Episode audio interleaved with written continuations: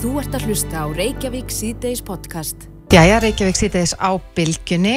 Uh, Síðastlegin sólarring höfum við verið með viðhórskönnun á vísi.is. Já, En þar erum við að- að spyrja áttu það til að kaupa þér hluti til að láta þér líða vel. já, þannig erum við að fara bara einsta kjarnar mannskjarnunar. Nákvæmlega.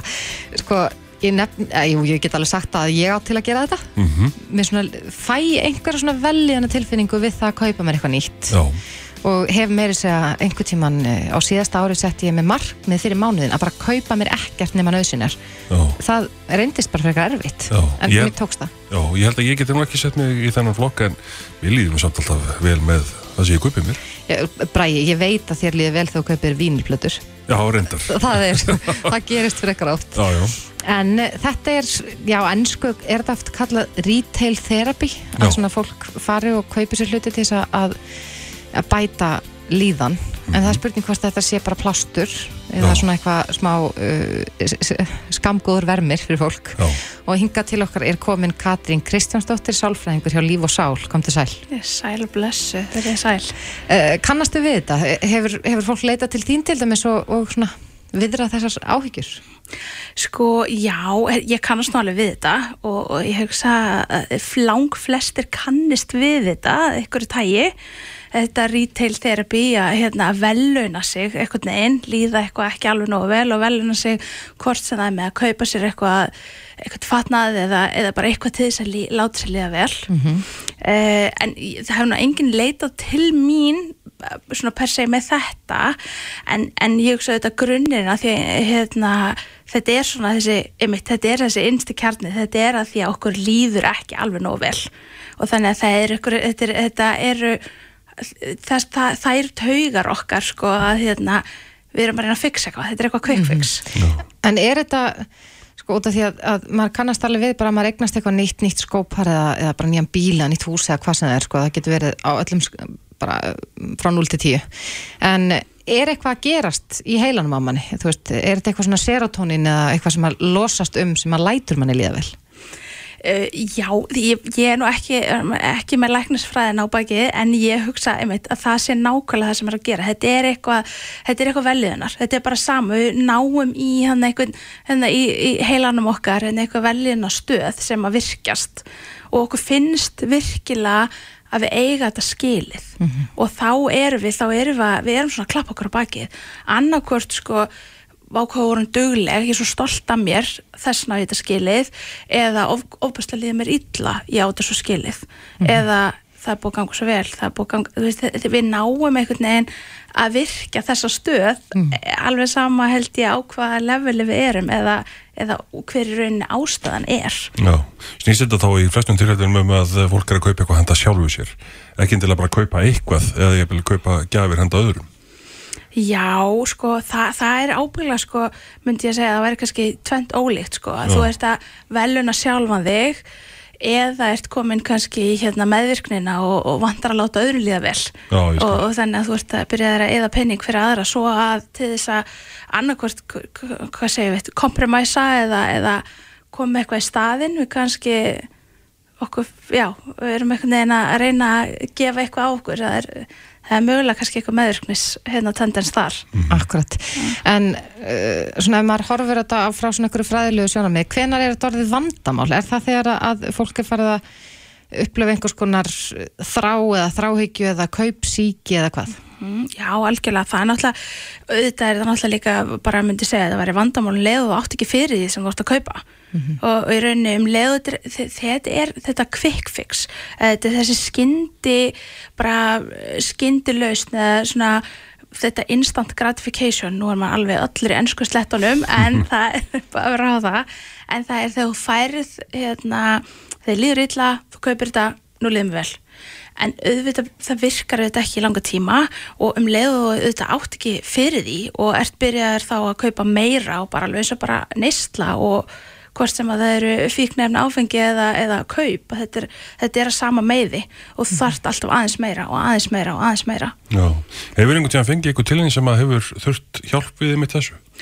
Nei, ekki svo ég muni ekki, ekki að kaupsíki sko, nei ég, ég man allan ekki eftir því. En, en það eru kannski það eru aðrir sem eru meiri í þeim geiranum sem hafa ábyggilega lent í því alveg, já, ég hef alveg maður hefur fengið fíknöðu en það er kannski öðru me meði en, en ég myndi segja að þetta væri samt algjörlega í sömu kategóriu sko.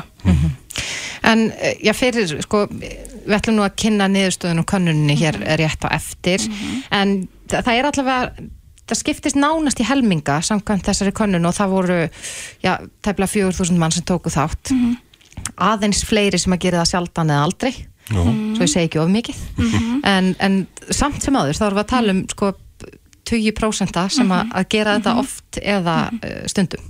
Þannig að ætla þetta sé algengar en maður, maður heldur eða, eða er þetta bara svona innbyggt í okkur? Mm Ég held að þetta sé bara alveg ábúðslega innbyggt í bara kjarnan okkar þannig að ég myndi verið hissa ef það veri færri, ég hugsa, ég hugsa að það sé alveg, já það er bókamála að það sé fleiri sem að hafa einhvern veginn eitthvað tíman upplöða þetta já. að hérna, já, það er kvikkflex ætli það séu fyrirtæki sem að kannski gera út á þessa kvata uh, miða á þá sem að eru kannski svona, svona neistlu sálfræði pælingar um, um sko, þeir eru að reyna höfða til þeirra sem að, er að leita að kvikkfixinu það er náttúrulega bara auglýsingamarkaðurinn eins og hann leggur sig Já. er að veita af þessu, veita af okkar veikleikum. Já, já. við erum, hérna, við erum full af alls konar veikleikum og það, þetta er algjörlega hérna, miðað að, að því, Já. ekki spurning. Er eitthvað ráð fyrir þá sem að, að já, út af því að sömur upplifa þetta kannski sjaldan eða aldrei en, en mm, aðrir oft. Og þetta getur farið út í einhvers konar eins og við tölum um kaup síki eitthvað svona smá sjúklega hægðun í kringum kaup.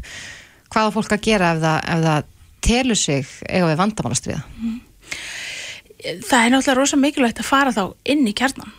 Af, af, hverju er þetta? þetta er eitthvað, þú ert að reyna að uh, vinna eitthvað upp eða það, þú ert að reyna að bæta eitthvað upp. Það er eitthvað sem að væntalega er ángræði, þið líður illa en þú ert ekki að fara í kjarnan heldur ertu bara að setja plásturinn. Þú ert Já. bara að fara í kveikfexið þannig að það er náttúrulega óbúslega mikilvægt að æfa sig í því að staldra hans við. Hva, hvað er að gerast hjá mér? Af hverju, af hverju líður mér svona núna? Af hverju er þetta komið upp, af hverju er þetta lausnin? Af hverju er kringlan að kalla á mig? Akkur er kringlan að kalla á mig? Hérna, og, og akkur er ég byrjuð að pæli hérna, vísa yfirleitinu og, og hvernig ég get látið þetta hanga allt saman þannig að þá þarf ég kannski aðeins að fara inn á við og staldra eins við og hvernig liður mér, hver er rótin? Get ég kannski farið eitthvað og unnið í því? Og, og svo er náttúrulega líka bara lífstilskaplaupið og, og hérna, þetta er ekki alveg í tísku lengur sko. við erum að reyna að vera, hérna, vera skynsum og, og hugsa um umhverfið og þá skiptir líka útrúlega miklu máli. Ætla ég að halda þessari hegðun áfram sem er ekki að gera neinum gott? Eða ætla ég að fara og hérna, hugsa aðeins inn á við og, og, hérna, og geta þá kipt mér eitthvað inn á milli út af því að það eru réttu fórsenduna fyrir því Akkurat. Já, þetta er góð ráð. Uh, Við kynnum, eins og ég sagði, við kynnum niðurstöðuna hér eftir skamastund en Katrín Kristjánsdóttir, sálfræðingur hjá Líf og Sál. Takk kærlega fyrir komuna. Já, takk fyrir mig Þú ert að hlusta á Reykjavík C-Days podcast. Reykjavík sýteis á bylginni. Uh, Í dag hefur farið fram fjármála ráðstefna sveitafélaga Já, og ég held að, reyndar að þetta sé enn í gangi. En það var ansi áhugavert að uh, formaður sambands íslenskra sveitafélaga sagði í setningaræðu sinni í morgun að aukin launakostnaður uh, gæti valdið stórslisi fyrir fjármál sveitafélagana já, að launakostnaður, já, gæti bara uh, reynilega sligað sveitarfélag en við náum uh, formannunum í, í smá kaffipásu. Aldís Hagstensdóttir er á línunni, komdu sæl. Já, komið þið sæl. Já, þetta eru svona uppvænlega fréttir að, að heyra það að launakostnaður einn og sér gæti sennilega valdið stórslýsi eins og þú orðar það. Eh, Hvað meinar með þessu? Já, það verðist því miður vera staðrind að uh, hækkun launa og útgjaldauki þeirra vegna er mun meiri heldur svo tekjuaukning sem sveitafélun er að fá vegna útsvars. Og það er ekki síst vegna þess að áherslur í lífskjara samningi á hækkun legstu launa og, uh, uh, og sem sagt samsetning starfsmannahóp sveitafélaga er með þeim hætti að þá hefur það hlutvarslega meiri áhrif. Já, en, en þú talaði einnig þarna um að já, hefði ofinberegi ekki að leiða launaþróun í landinu og þú ert nú ekki svo eina sem hefur sagt þetta svona undarförnu en það hefur uh, launakostnaður uh, hins ofinbera já, aukist verulega um, ætti almenni markaðurina að já, íta, breyta þróun, vera, vera á undan? Já, ég, og eins og þú segir réttilega, ég er ekki svo fyrsta sem segir þetta.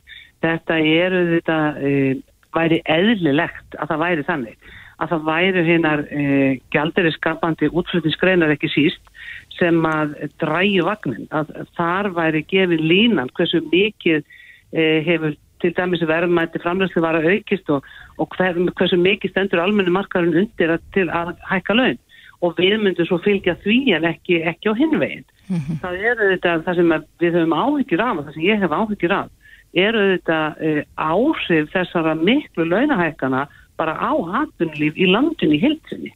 Já, en hvað, hvað myndi félast í stórslýsi sem þú nefnir?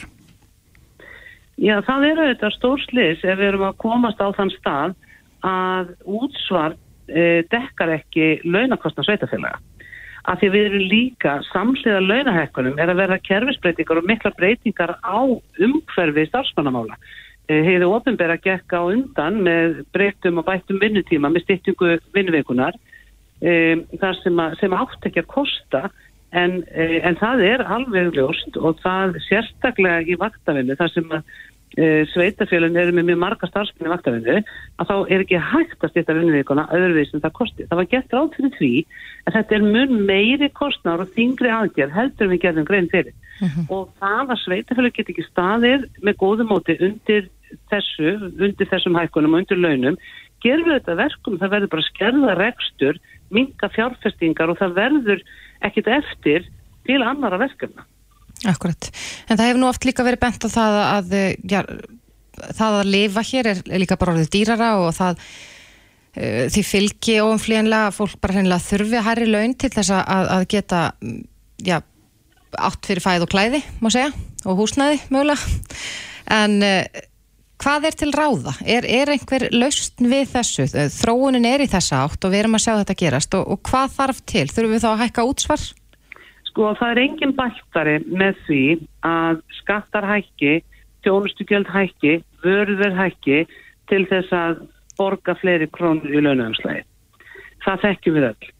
Einn besta kjara búið landsmanna og þar getum maður alveg sagt að við getum öll stáð okkur betur er að það sé bóðið upp á hendut húsnaði út um alland á kjörum sem að venjulegt fólk ræður við. Og þar til dæmis höfum við... E, verið með ríkar kröfur sveitafélagin um það að ríkisjóðin myndi setja mik miklu meiri peninga í stoppframlög til almenna leguíbúðakerfisins þar sem að sveitafélagin gæti þá farið af stað og byggt upp íbúðir sem að myndu þá gagnast þeim sem væru í lægstu tekjutíundum og þar með verða besta kjarabúti sem fólk ætti vel á. Mm -hmm. En þessi ráðstefna hefur farið fram í dag og, og fjölmörg erendi þar flutt og við vitum það auðvitað að, að sko, heimsfaraldur hefur vissulega haft áhrif á fjárhastöðu sveitarfélagana. Er það að vinna að laust? Er það að vinna að því að, að finna hvað hægt er að gera til þess að bæta fjárhastöðuna?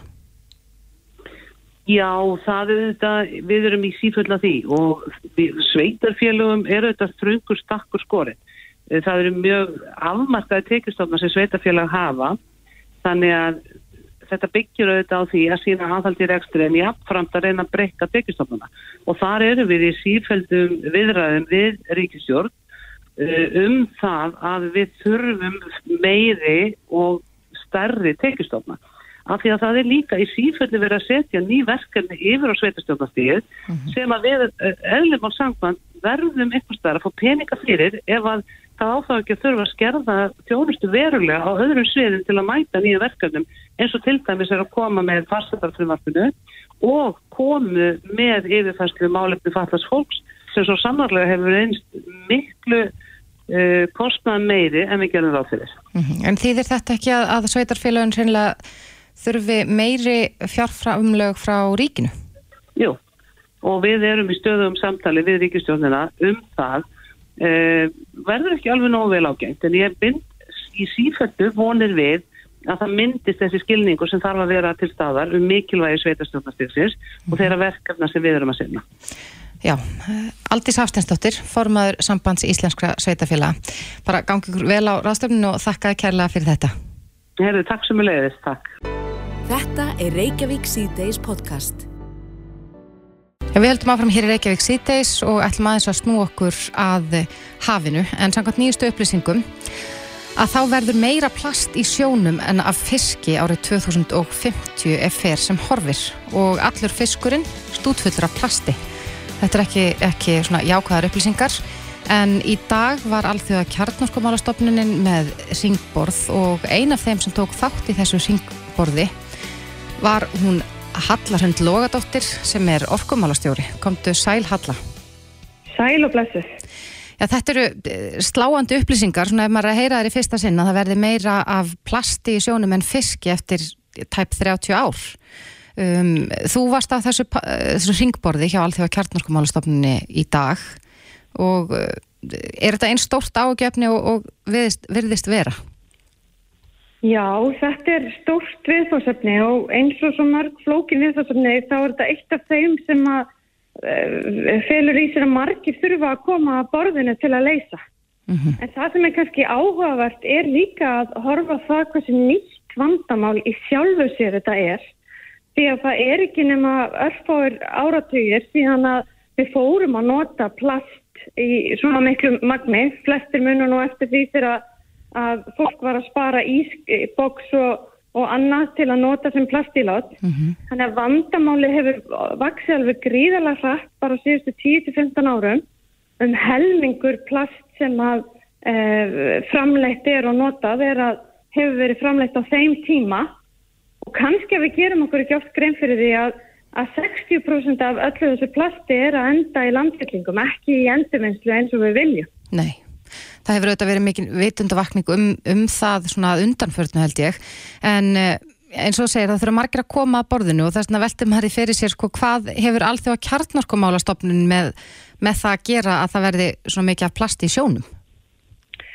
Já, í rauninni var tilgangur fundar eins að fá fleiri aðila að borðinu.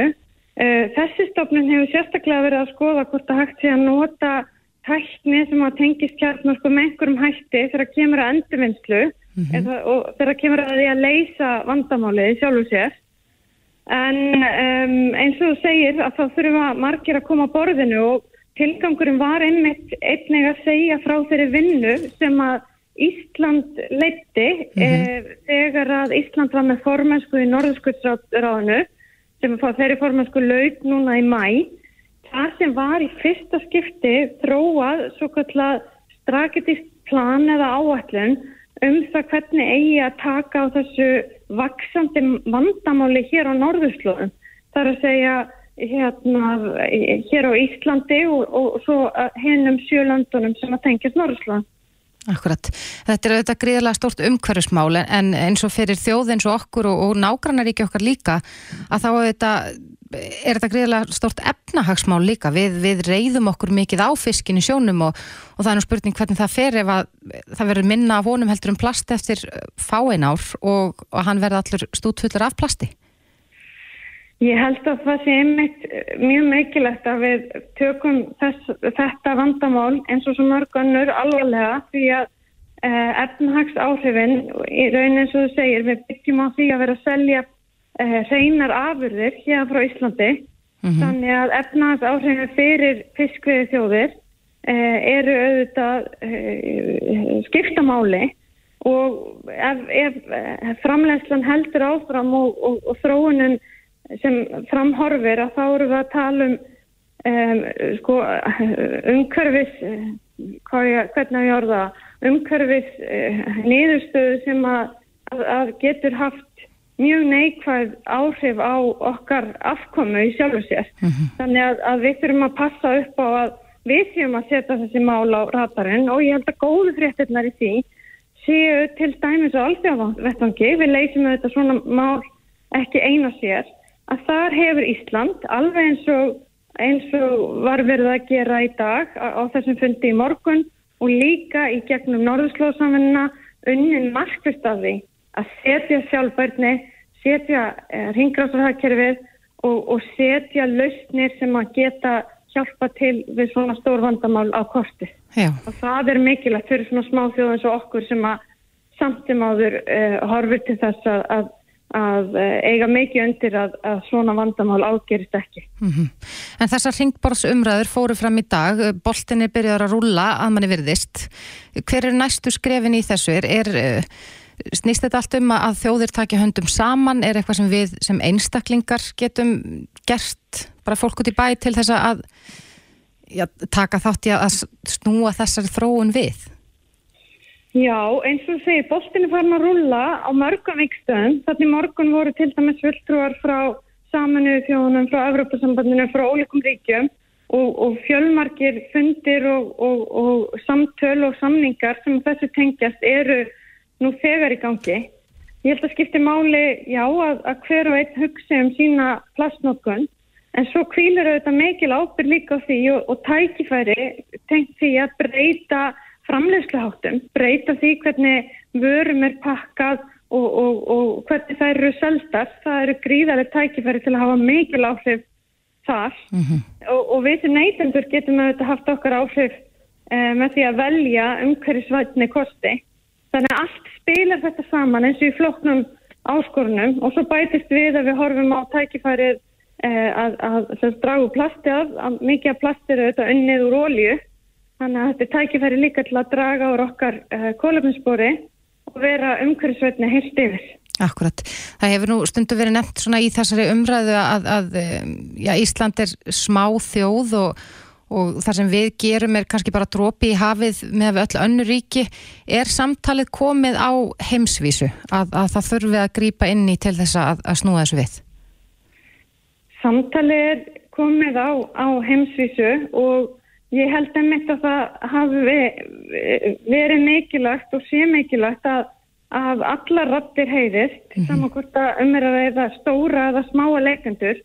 Við höfum nú bara séð að við horfum til dæmis til annara málaflokka, ef við horfum til sjávarútisins í heilsinni eða ef við horfum á orkumálinn, að rött Íslands þar, þar sem við viljum að hann heyrist vel og það sem að hagsmunur okkar liggja, þar, þar getum við haft uh, áhrif og, og við þurfum að halda því áfram. Akkurat, já þetta er áhugavert. Halla Hund Lóðadóttir, orkumálastjóri. Takk kærlega fyrir þetta. Takk sem leiðist Reykjavík síðdeis á Bilginni podcast Reykjavík síðdeis á Bilginni heldur áfram. Ferðaþjónustan er eitthvað sem að skiptur okkur í Íslandinga gríðarlega miklu máli. Já, heldur betur. Og það var nú gaman að heyra í bítinu á Bilginni í morgun að ef að bjart sínstu spár ganga eftir gætu fleiri farþegar farið um keflauguflugöll árið 2024 en árið 2019 Já. og árið 2019 er svona árið sem við miðum við uh, það var svona góða árið. Þetta var áðurna að COVID skall á og, og fóru með fjöldi ferðamanna í gegnum leifstöð en það er spurning hvað, hvaða áhrif þetta hefur á ferðarþjónustuna við vitum það auðvitað að, að það er ekkit allir sem að fara í gegnum alþjóðflugullin sem að, stoppa hérna. En á línunni hjá okkur er Jóhannes Þór Skúlason framkvæmdastjóri samtaka ferðarþjónustunar, kom til sæl. Komið sæl. Já, þetta hlýtur nú samt að vera svona, þetta hljóta að vera góðar fréttir fyrir ykkur, þó, jafnvel þó að, að allir þessi, já, 7 miljónir farþega sem að munum mögulega að fara um völlin stoppa ekki hér.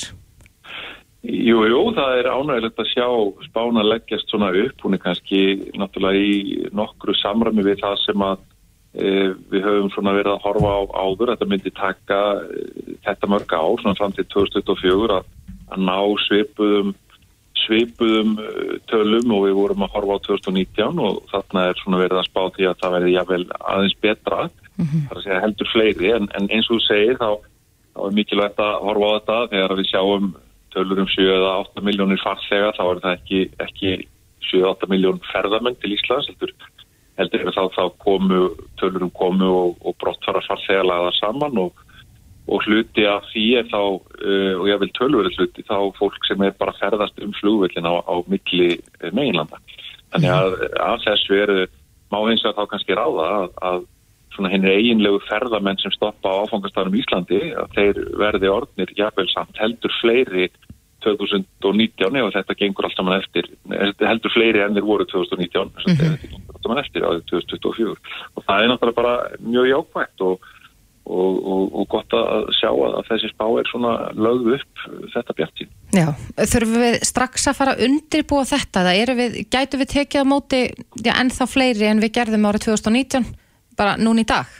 Nei, ég ég hugsa við getum það ekki í dag eh, bara með óbreyttir stöðu. Það er að segja við erum bara búin að við erum ennþá í sárum eftir þetta COVID-19 greinin er alls ekki búin að ná sér eh, eftir hana þótt að það sé búið að að byrtast einhverjir ferðamenn í, í lefstöðu og á landinu en núna í sumar að þá er ansi löngleið eftir fyrir fyrirtækin að vinna sig út úr þessu við sjáum það eru vandamál með, með skuldir, það eru vandamál með að fá einfallega fólk í, í vinnu til þess að hafa allir hótel opin að fullu leiti og svo framins þannig að, að við það er runni mjög mikilvægt að þetta gerist svona eins og, eins og lítur þarna út fyrir því þessari spáfingum sem við að horfa á.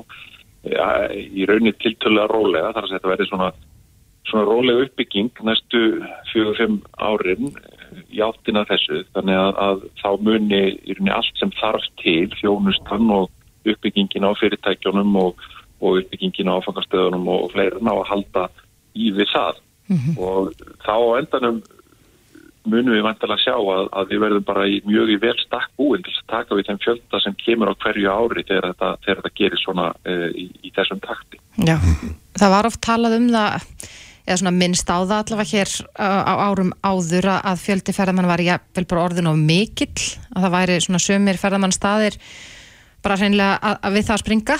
Um, að hverju þurfum við að huga sérstaklega til þess að já, bæði að nýta það sem við höfum og dreifa álæginu Þetta er nefnilega mjög mikilvægt og, og þetta held ég náttúrulega uh, komið mjög, mjög vel á veg. Við verðum að horfa á það til dæmis að síðustliðin er þessi tíu ár fram til ársins 2019 sem að þessi gríðarlegi vöxtur átti sér stað að þá var til dæmis eh, voru stjórnvöld að, að glíma við alls konar eh, afleiðingar bankarhundsins eh, hérna slitabúkálubankana og fleira sem að hömluðu því að hægt verið að fara í uppbyggingu á ferðamannastöðum og samgöngukerfinu að þeim krafti sem að þörfar á eh, það er kannski ekki fyrir nefndi 2016 sem að það var hægt. Frá þeim tíma hefur hins vegar mjög margt verið gert uh, ákveðin uh, atriði varandi til dæmis eins og fjármagn í uppbygging uh, áfangastada, við erum bæðið með framkvæmtasjóðferðamannastaða og landsáallinu uppbyggingu innviða.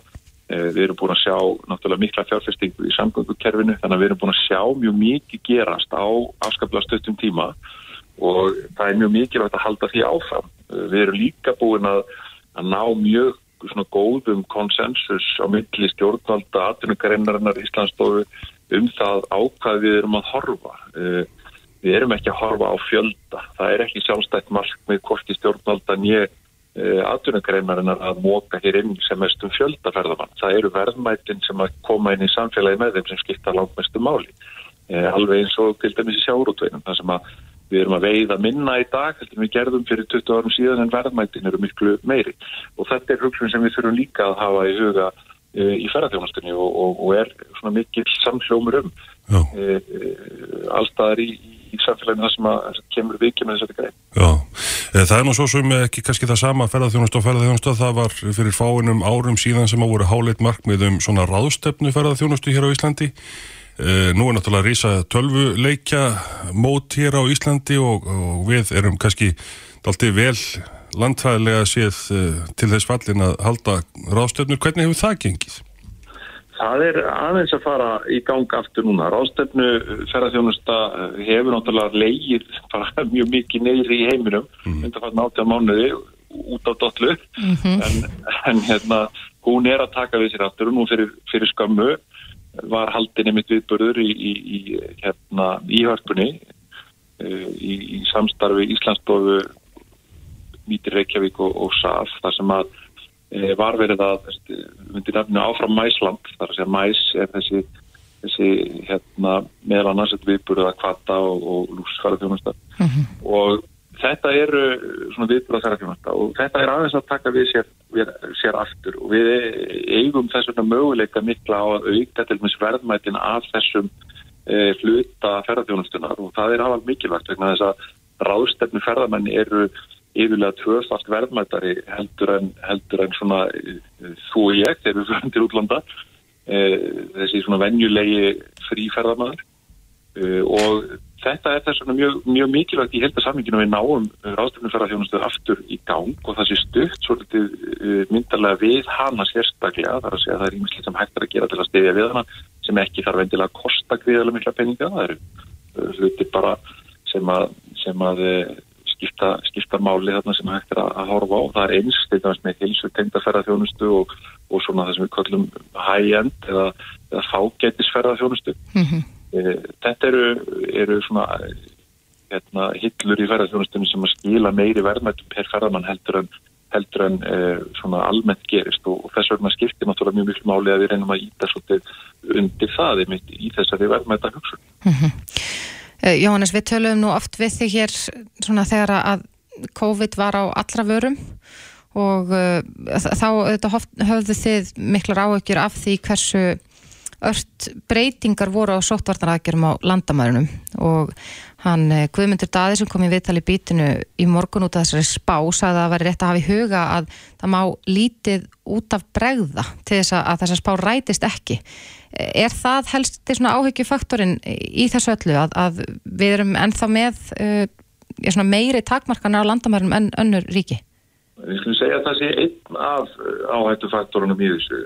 Það er sagt, margt í þessu náttúrulega sem að við höfum ennþá ekki stjórn á. Það er marga breytur varðandi þetta COVID ástand alltaf mann um allan heim sem við höfum ekki stjórn á hér á landi. Mm -hmm. um, þannig að það er ímyndilegt ekki kerst annar staðar í heiminum sem að getur haft áhrif á það hvort að þessi spá veðu miljóninni hærði eða lægri.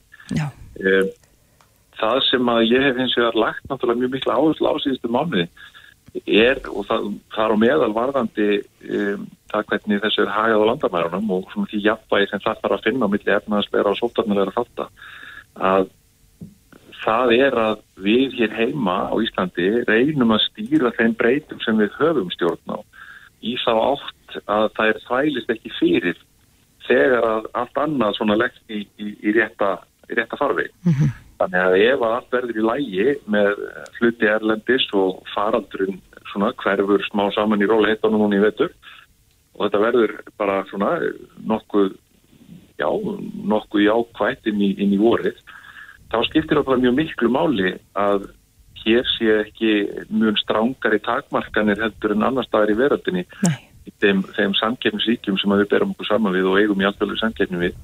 Eh, vegna þess að þá fer það að hafa bara mjög mikil áhrif og við höfum séð að það hefur áhrif um þegar.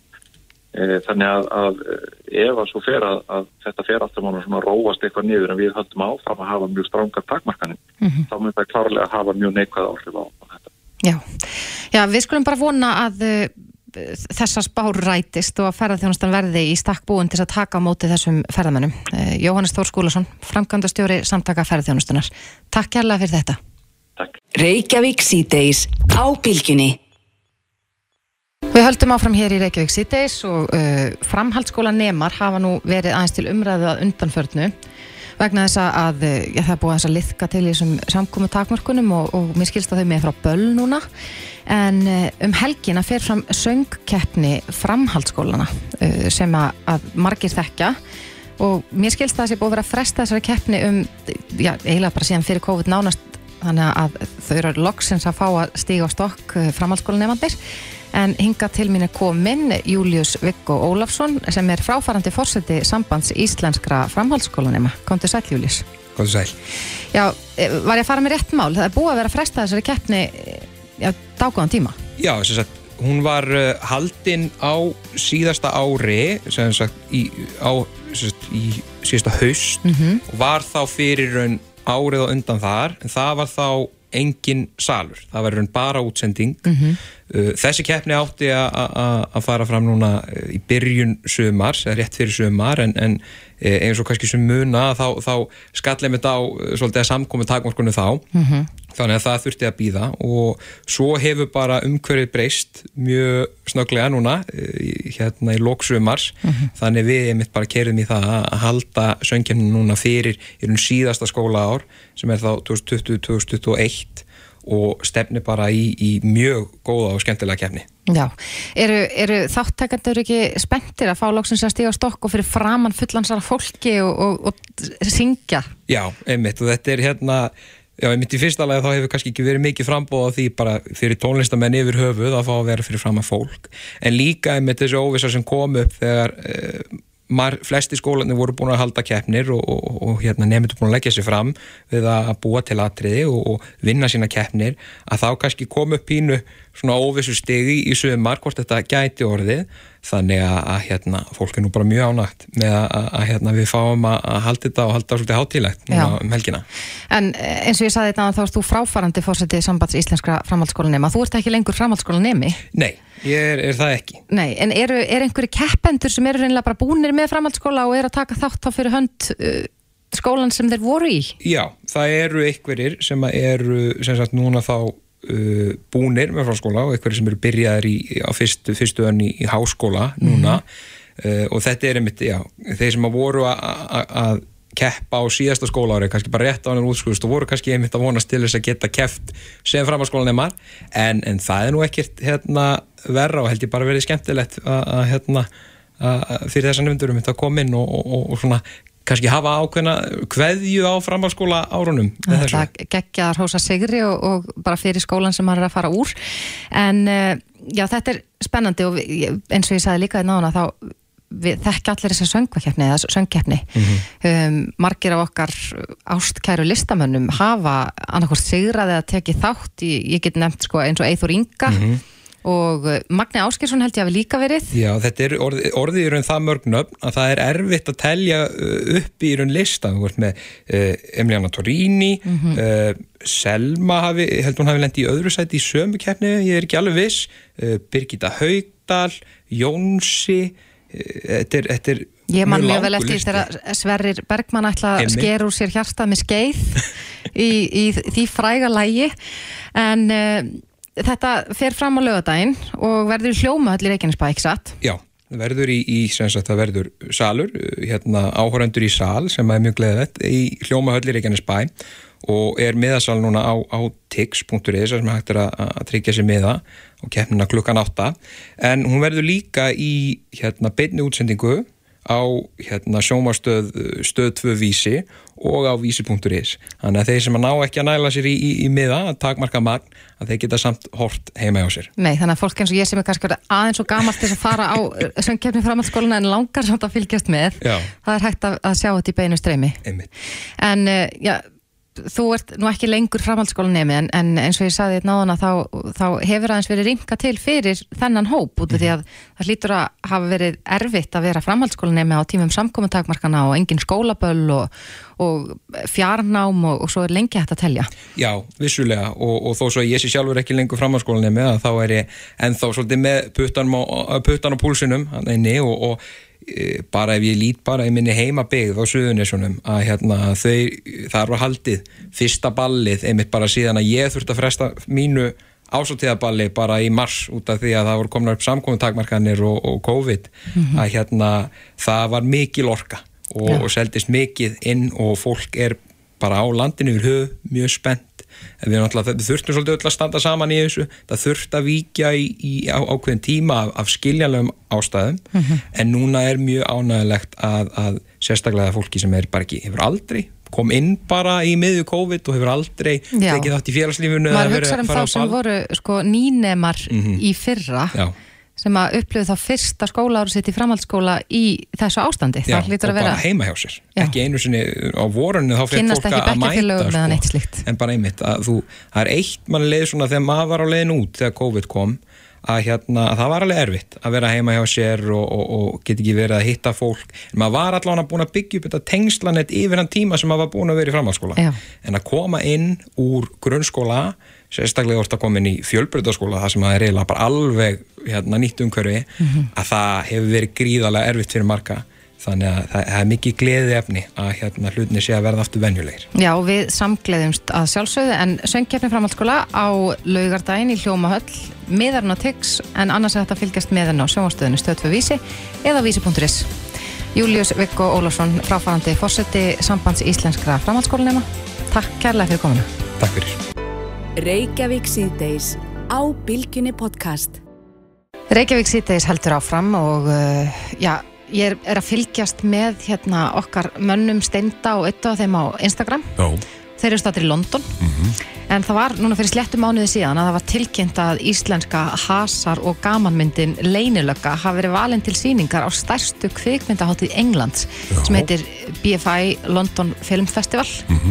Og þessi mynd er, hún er svona pínu lúmsk, ég held að að margir hafi haldið að þetta er eitthvað svona hálfgett grín. Já, en svo er hún bara búin að vera fara sigur förum heiminn má segja. Já, þetta er ekki svona blanda af grín, gríni og smá, smá alvöru? Jú, ég er ekki vissum að við höfum séð svona mynd á Íslandi áður en, en ef við kannski að spyrja leikstjóran, hann Hannes Þór Halldórsson sem er á línunni, kom til sæl Já, komið sæl.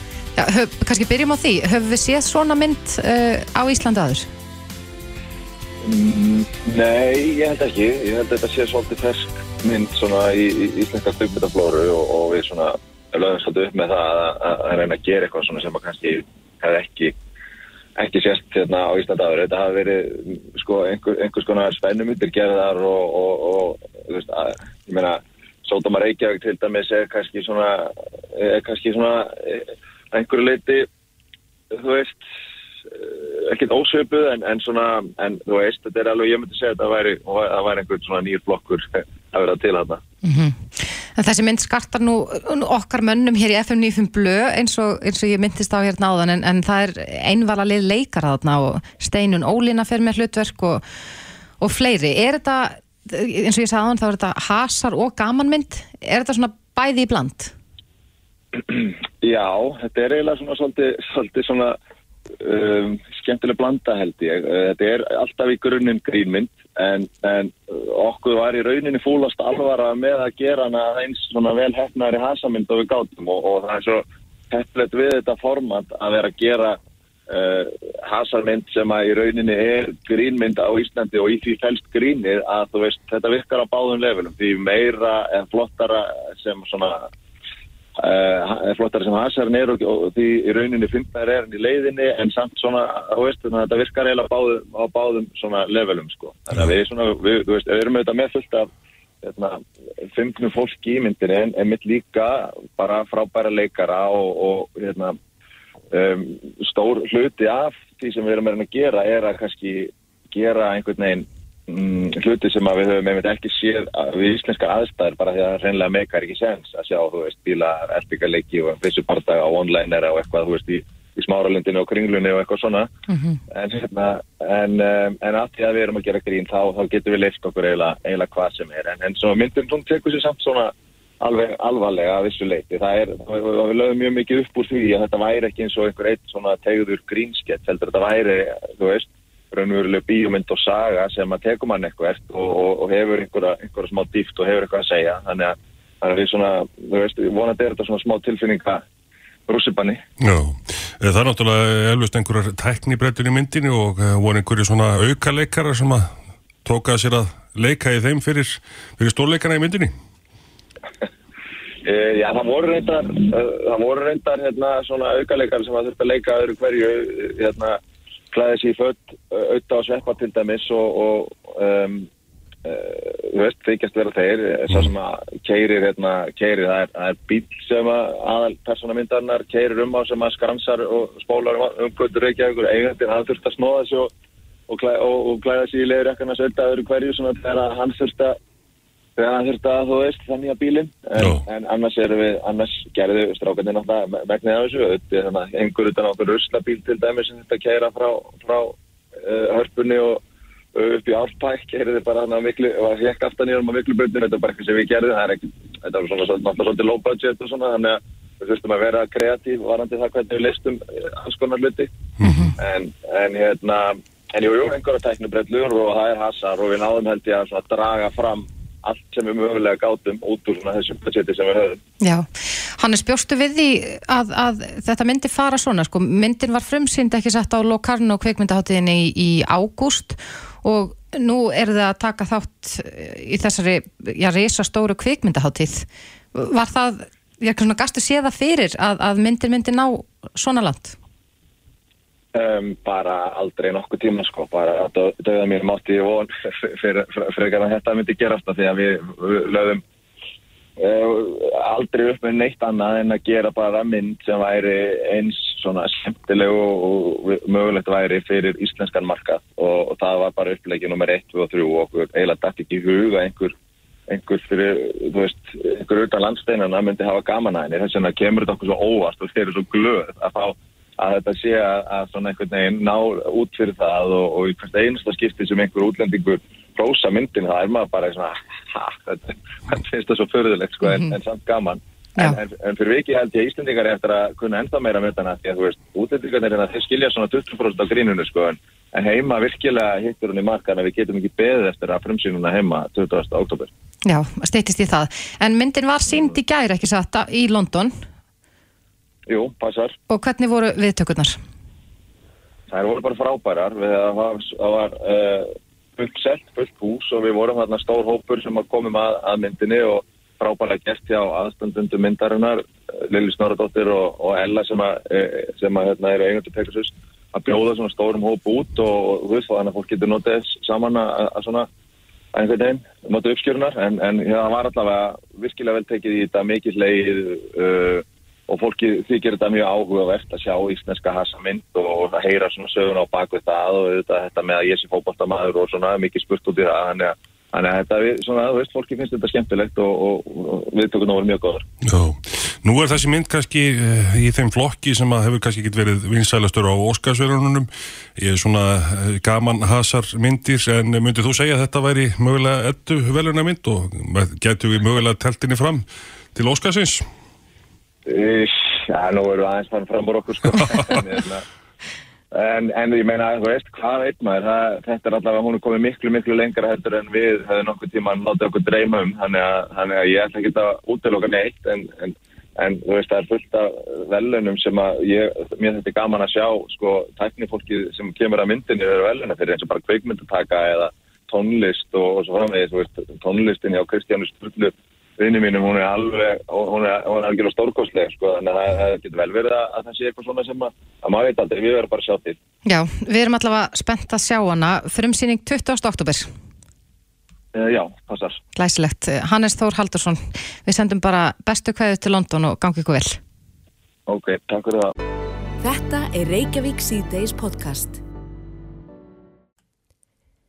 Jæja, við höldum áfram hér í Reykjavík síðdeis og í síma tíma fyrir örfáum dögum síðan þá ringdu þó nokkri hlustendur og voru að velta fyrir sér sko síningaréttinum á mestaradeild Evrópu í knatsbyrnu en það bárust fréttir af því snemma á þessu ári held ég alveg örglað að mestaradeildin uh, fer fram bæði á stöðfu sport og svo líka á Viaplay. Og uh, fólk var já svona aðeins að veltaði fyrir sér hvernig þetta færi fram, getur maður hort á úrslita leikin og fleira í þeim dúr. Og á línunni hjá mér er Eirikur Stefán Áskersson forstöðumæður stöðvartöð sport. Kom til sæl Eirikur Það er lóðblessið fólkis Já þetta er, fólk er að velta þessu fyrir sér. Þetta er auðvitað í fyrsta sinn ekki satt sem að síningarettur er skiptur með þessum hætti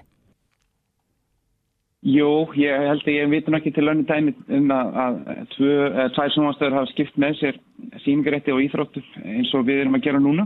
Uh -huh. Þannig að þetta er svona nýtt á þessu markaði að, en þekkist við að erlendis. Þetta er algengt uh, til dæmis í Breitlandi og, og, og öðrum Norðurlandum. Þannig að þetta er svona uh, þekkt aðferð við að, að kaupa síningarétti að dýra efni. Það er að deila honum með öðrum. Akkurat, en hvernig, hvernig er þessu skipt? Það var svona aðal spurningin, hvernig, hvern, hvort ámar að velja stöðtur sport eða Viaplay, á fólk að velja eftir leikjum eða úrslítaleiknum eða hvað? Já, ég er náttúrulega segja að fólki heiklust að velja stöðtur sport sko, en fyrirkomlega er þannig að við skiptum bara leikjurum jást á mittlokkar og það er bara ákveðið svona kerfi sem við mest ekki, svona valrétta kerfi Eh, og það er þess þannig á þriðutum þá vilja play fyrsta val á, á leik sem að þeir vilja sína helst mm -hmm. og meðugtöðum fellur fyrsta val til okkar og svo koll af kolli þannig að á þriðutum erum við með, með annan og, og svo koll af kolli og, og, og á, á, á meðugtöðum erum við með fyrsta mm -hmm. um, Til þess að geta hort á alla leikina þá þarf fólk vissulega að vera með áskrift af bæði stötu sport og Viaplay Uh, eru margir að fara þá leið eitthvað? Ég til dæmis að þú ert stuðnismæður eh, bara vinsals liðis og bara Manchester United eða Liverpool og þú vilt sjá alla leiki með, með þínu liði þá þarfstu vissulega að horfa að, hérna, að horfa á báðastöður og, og vera með áskust hjá, hjá báðum aðlum mm -hmm. til að sjá alla leikinni hjá þínu lið. Akkurat. En það er þess að kerfið er hanna þannig að, að sko, þessi leiki bestu liðana falla jaft á milli sjónastöðana. Einu undatækningin er náttúrulega úslita leikurinn af því það er bara eitt stakur leikur, það er ekki svona einni það sem er spila heima og heimann og þá er, er skiptingi þannig að, að það er sagt, uh, skipt á milli ára. Mm. Þannig að við að playa úslítaleikin núna í vor og svo á stöðspust úslítaleikin uh, vorið 2003. Já, ég skil. En uh, um, í þessum símatíma um dagina þá fekk ég nú skilabóð frá góðu manni sem að, að við bara vissum lítið sem ekkert, eh, vorum ekki með svörum við þessu fyrir hlustundu bylginar en hann sagði að úrslítaleikurinn er því opinni dagskráð þannig að það ætti engin að missa af honum eða hvað? Já, ég skil vel að þetta sé svona skilningur á, á, hérna, á stöðinni vegna þess að, að vissulega hefur verið þannig í mörg herransár að úrstættarleikurinn leik, hefur verið í óbyrningaskrá. En með þessu nýja samlingi þá breytist það og nú Já. verða engi leikir í, í óbyrningaskrá. Korki hjá okkur á stöðursport nýja og viðaplei. Mm -hmm. Þannig að Já, það bara svarið er einfalt að, að, að í vor og frammiðis verður úrslítaleikurinn ekki í óbyrningaskrá. Nei. En, en þetta er allavega fyrirkomulag sem mun gilda til ásins 2024 uh, út samningstíman sem að bæðistötu sport og viðplay hefur gert við uh, ja, UEFA, ekki satt? Já. Jú, uh, en hvað gerist svo? Er það bara að farið aftur í, í þetta samningsferli og, og við sjáum hver uh, fær síningaréttin? Já, það er bara svo einfalt. Það er bara, þetta er bara svona í þessu samningi og svo verður vantilega að fara í nýtt samningsferli eftir 1-2 ár og hva, hvernig það þróast er náttúrulega bara ómögulegt að spáum hvernig markaðan við líti út þá hvernig fyrirtæki líta á þessa fjárfyrstingu út frá út frá sínum rekstri, mm -hmm. þetta er allt saman sko, uh, bara mjög erfiða spurningar sem maður verður bara að takast á við þegar það þarf að kemur, það er, það er engin vegur að, ætla að giska á hvernig þetta munni þróast á, á komandi árum. Svona hlutir er til að breytast mjög fljótt í þessum gera. Akkurat, ég held að já, hlustendur og, og allir í kringum mig vita ég er nú ekki mesta íþrótta konan, eða ég horfa allavega mjög sjaldan á íþróttir, en, en mér skil samt að uh, umfjöllinin á stöðtur sport sé ekki einungis um þá leiki sem hafa farið fram og verið síndir á stöðtur sport, heldur um alla leiki þess dags? Já, það er rétt. Eftir hvert leikdag þá erum við með þátt sem heitir Meistradeldamarkin og hann hefst bara, eh, þess að þá núna þegar við erum að spila, þá hefst það klukka nýð bara um leið og leikinni klárast uh mhm. -huh. og þá sínum við Eh, öll aðvikinn úr öllum leikjum kvöldsins. Ekki bara sem stöðtur sportsýnir, heldur líka sem viðablið sínir. Þannig að við getum uh, þjónastæða okkar áskrunandi með því að sína um alltaf helsta sem gerði, gerðist í öllum leikjum kvöldsins óhaf því á hvaða stöð leikunum var síndur í beitni útsendingu. Já, en það væri líka ógerningur það ekki að horfa á alla leikina? Ég hættir átt að leikja kvöld, þannig að sko, þú færst að eiga svolítið mörg sjónastæki til dæmis og varum nokkra svona likla og, og, og tæki. Já. En það er bara fyrir hann að gatt hörðustu fókbalta áhuga mennina. Já, ég menna flestir náttúrulega bara horfa á sittli spila og vilja sjá hvað gerist í hinu leikjunum og, mm. og við veitum þá þjónustu að, að sína, sína allra helsta á, og reynum að pakka þið vel inn þannig að þetta sé svona skemmtileg þáttu að horfa á fyrir þá sem hafa áhuga á efninu. Akkurat. Já, ég vona að þetta hafi svarað spurningum hlustenda sem að hringdu hér um daginn en Eirikur Stefán Áskilsson, forstuðumadur eh, stöðvart 2 Sport. Kærar þakki fyrir þetta. Takk, takk. Og nú erum við að sigla í land hér í Reykjavík og en verðum að sjálfsögða aftur hér á morgun förstu dag. Þórtís og Bræi þakka fyrir sig og verið sæl. Hlustaðu hvena sem er á Reykjavík City's podcast.